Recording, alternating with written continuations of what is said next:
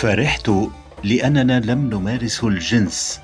صديقتي أول مرة في بيتي. عبد الرحمن عباس. لا يمكنني القول إن طرح الأفكار التي تتسق مع الغالبية أمر سهل.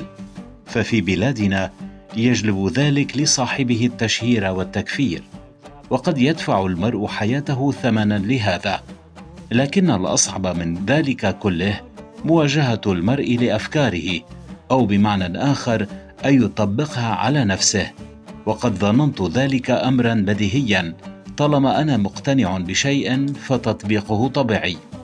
لكن بعد أن وضعت في هذا الاختبار أكثر من مرة ورغم اعتزازي باتساقي مع ذاتي وفعل ما أدعو إليه بقدر ادراكي أن ذلك صعب جدا وأننا أبناء ثقافة زرعت بداخلنا أشياء كثيرة مهما تمردنا عليها تظل باقية بشكل ما حتى نتخلص منها تماما بتطبيق ما نؤمن به.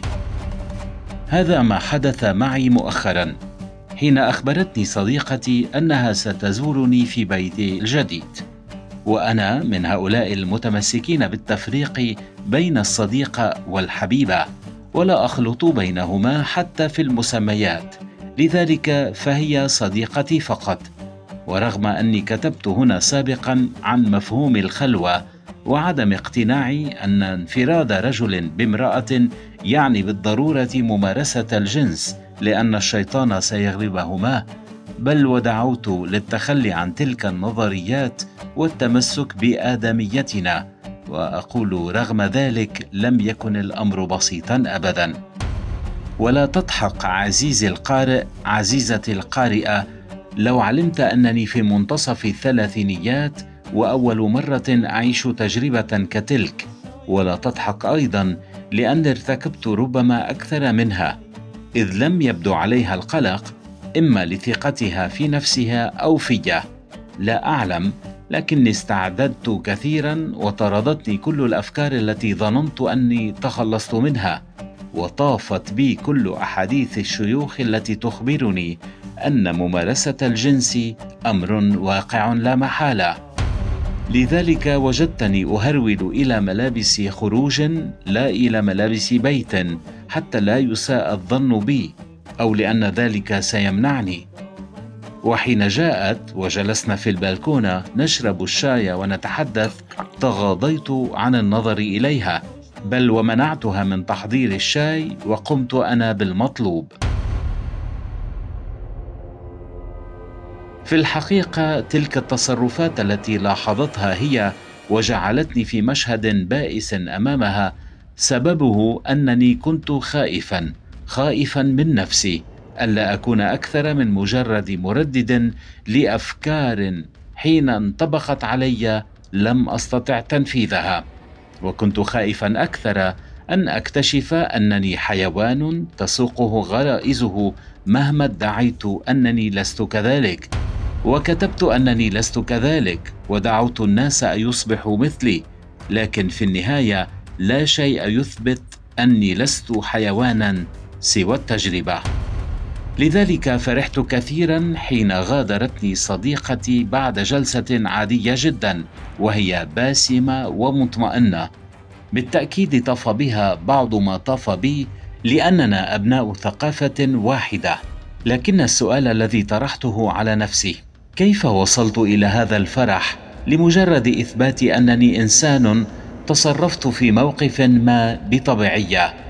تلك الطبيعية المفترضة من جعلها غاية صعبة إلى هذا الحد الذي تخشى فيه من نفسك.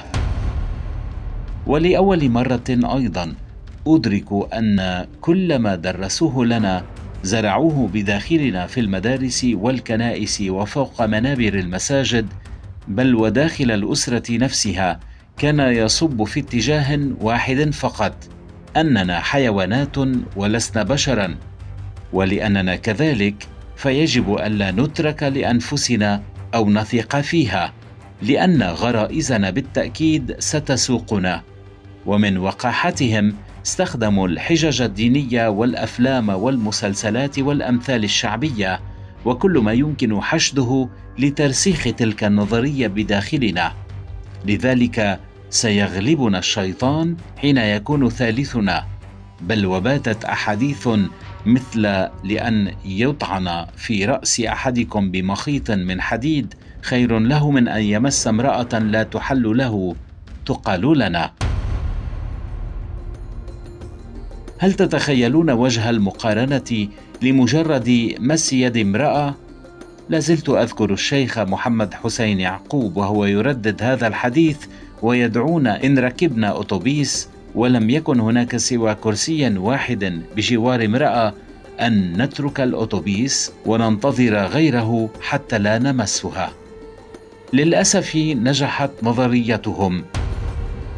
نعم كثير منا اقتنعوا أنهم حيوانات تسوقهم غرائزهم بل وأضحوا لا يعتبرون ذلك اثما أو خطيئة بل هي طبيعتهم التي خلقهم الله بها.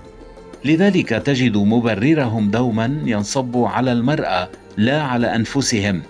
وإن تحرشوا بها فذلك بسبب ملابسها الكاشفة. إن اغتصبوها لأنها استفزت ذكوريتهم إن ارتدت مايو فتلك سهلة المنال.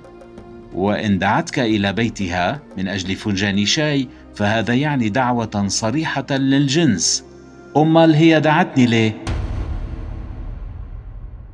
المهم أنه لا لوم علينا لأن غرائزنا تسوقنا ويجب على العالم احترام تلك الطبيعة فينا تماما كصديق المتأفف من الغرب لأنه جعل فعل ما لا تريد المرأة سببا كافيا لاتهام من يضايقها بالاغتصاب.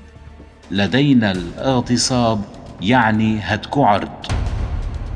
أما من لم يقتنعوا فهؤلاء لم ينجوا بالكامل. يظل جزء منهم خائفا ومتشككا حتى يخوضوا التجربة ولذلك أدعوهم لخوضها.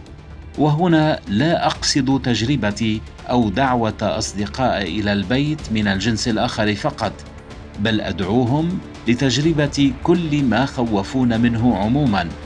كل ما زرعوه بداخلنا علينا التخلص منه.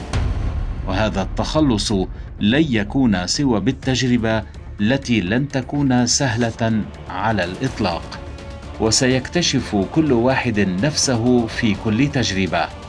لكن إذا كان الثمن استرداد إنسانيتنا وإثبات أننا بشر فالأمر يستحق.